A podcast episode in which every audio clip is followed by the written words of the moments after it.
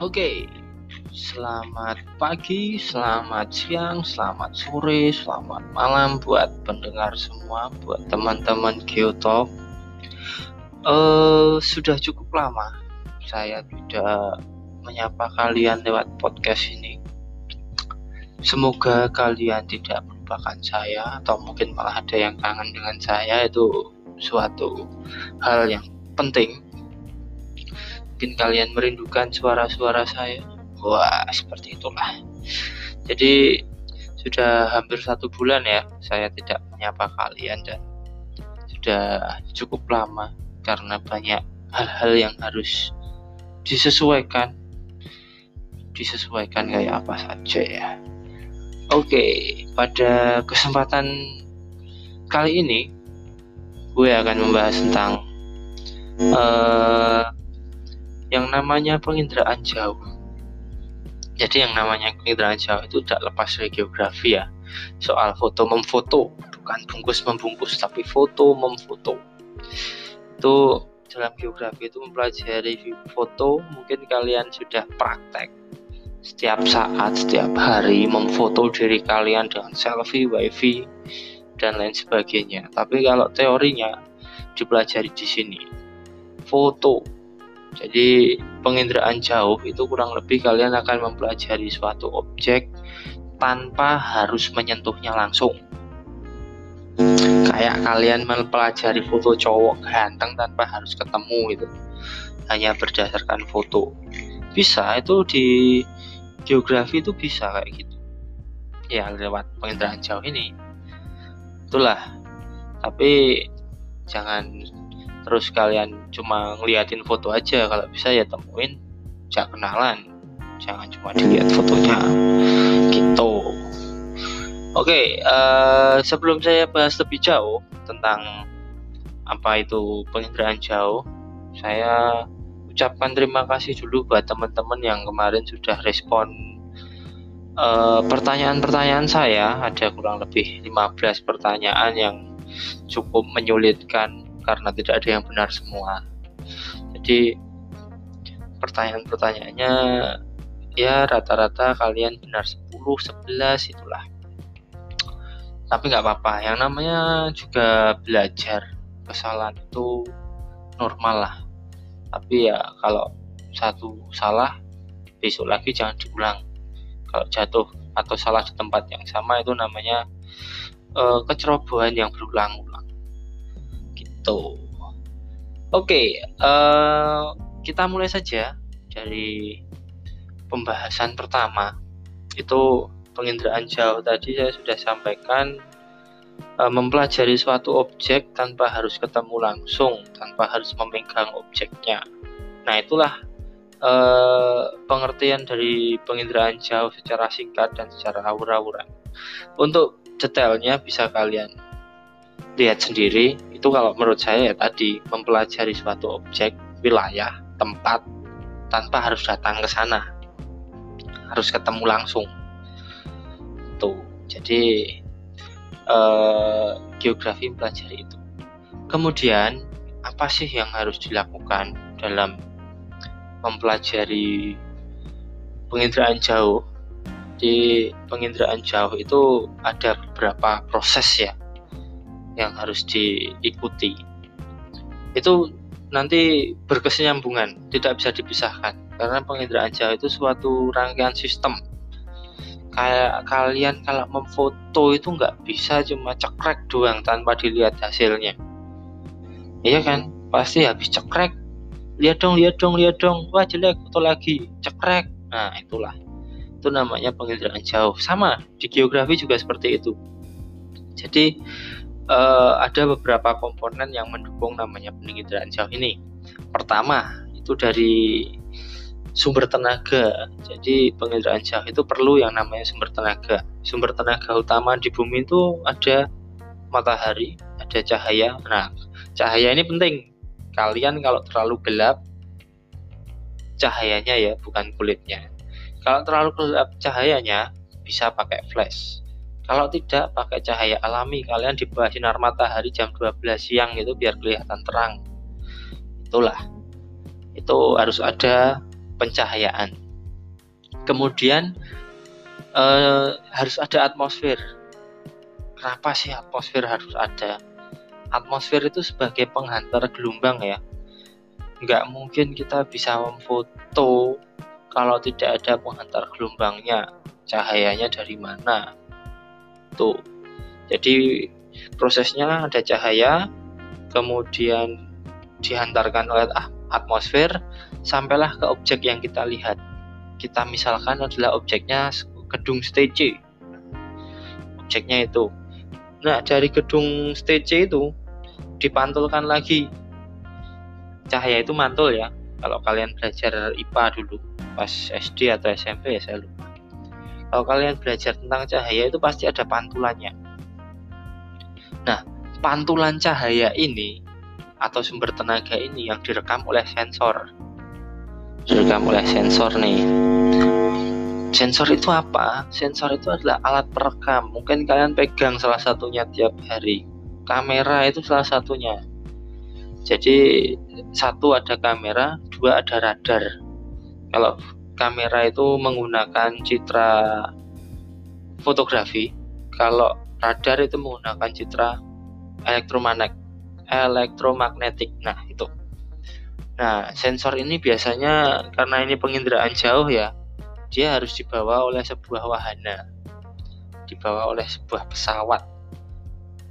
Nah, karena yang difoto itu adalah itu adalah wilayah. Kalau yang difoto itu mantan kamu, cowok ganteng itu kalian bawa sendiri bisa. Tapi karena yang difoto itu sebuah rumah, sebuah wilayah, harus difoto dari atas. Sekarang yang baru ngetren bukan pesawat nih, tapi drone. Pakai drone. Nah, semoga kalian bisa mengoperasikan drone ya. Nah, dari foto-foto yang diambil oleh sensor oleh kamera tadi jadilah sebuah data data ini ada dua jenisnya data citra dan non citra. Data citra itu ya foto-foto itu itu disebut data citra. Kalau data non citra itu ada data tabel ada grafik. Biasanya untuk pelengkap sih bukan data utama. Yang utama adalah citra. Citra citra satelit Mbak Citra nih. Nah, siapa yang pakai Citra? Ups dilarang promo ya Oke, dari citra-citra itu, itu menyampaikan berbagai informasi didukung oleh data non-citra tadi. Nah, itu digunakan oleh beberapa orang atau instansi atau bahkan kalian uh, untuk berbagai kepentingan. Kalau kalian ya mungkin kepentingannya untuk update instastory, tapi kalau badan penanggulangan bencana foto suatu wilayah itu uh, bisa dijadikan sebagai acuan mana sih daerah yang rawan bencana misalkan seperti itu. Nah, itu adalah unsur-unsur komponen yang harus ada dalam penginderaan jauh mulai dari sumber tenaga, atmosfer, kemudian cahaya yang dipantulkan direkam oleh sensor, sensor dibawa oleh wahana, jadilah data, data citra, data non citra, dan penggunaannya yang terakhir. Tuh, jadi itu nggak bisa dipisahkan ya guys. Harus nyambung, harus urut. Nah, e, dari foto-foto citra tadi, gimana sih caranya kita mengenali objeknya? Gimana sih kita mengenali apa yang kita foto? Kalau kalian foto cekrek, ada cowok ganteng di zoom aja udah kelihatan ternyata setelah di zoom dia jerawatan seperti saya nah itu perlu ada proses dulu ya. Tidak serta merta kalian langsung tahu oh ini adalah fotonya Pak Asep nih atau fotonya Kim Jong Un eh bukan siapa itu yang dari Korea itu saya lupa saya bukan penganut paham Koreanan. Jadi itu ya ada prosesnya. Proses yang pertama itu mulai dari pengelompokan guys atau deteksi dulu. Kita deteksi kita kelompokkan ini adalah kelompok rumah. Kalian kasih lingkaran lingkaran lingkaran gitu dari foto itu. Kemudian deteksi yang lain lagi ini adalah kelompok hutan. Kalian kasih lingkaran lingkaran juga. Jadi ya eh, cukup jelimet ya. Bisa dikatakan jelimet penginderaan jauh itu. Kemudian setelah deteksi, kalian harus identifikasi, kenali dulu ciri-cirinya untuk analisis lebih jauh. Ciri-cirinya itu kalian bisa lihat banyak sekali dari ciri spektoral atau ciri yang dihasilkan dari interaksi tenaga elektromagnetik dan benda yang dinyatakan dengan runa dan warna. Jadi yang kalian lihat pertama itu adalah runa dan warna. Apa itu runa dan warna? Runa itu adalah kecerahan objeknya. Kalian pasti bisa membedakan mana cowok yang cerah dan mana cowok yang kusam. Sama, objeknya juga sama dalam geografi. Kalau terang itu pasti gedung dengan atap seng, dengan atap e, logam atau besi itu bisa warnanya terang. Kalau warnanya hijau gelap, apa mungkin itu gedung? Ya jelas itu pohon. Itu itu adalah salah satu proses mengidentifikasi jadi setelah diidentifikasi, ada ciri lain lagi yang bisa dilihat yaitu ciri spasial. Nah ini yang cukup banyak ciri spasial itu. Ada yang namanya bentuk, ukuran, bayangan, pola, tekstur, situs, dan asosiasi. Apa sih itu? Jadi sebuah objek itu pasti memiliki bentuk. Bentuknya kotak kah? Bentuknya lingkaran kah? Dan ukurannya pasti beda ukuran rumah tinggal rumah yang kalian tempati mungkin hanya kotak kecil dari foto udara. Kalau di eh, pabrik itu pasti kotaknya besar karena itu mungkin ada gudang ada mesin-mesin yang lain. Itu. Jadi itu perlu dilihat ya ada bentuk ukuran bayangan. Bayangan ini di bayangan ini kalian banyak yang salah kemarin di pertanyaan saya. Masa bayangan untuk mengetahui bentuk suatu objek? Tidak dong pasti untuk suatu ketinggian objek.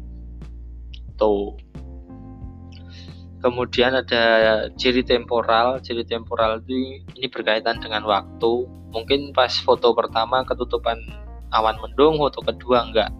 Setelah proses analisis dan identifikasi tadi barulah kalian bisa memutuskan kasih penilaian nih objek itu tadi berupa stasiun kah stadion kah rumah kah, sekolah kah, seperti itu.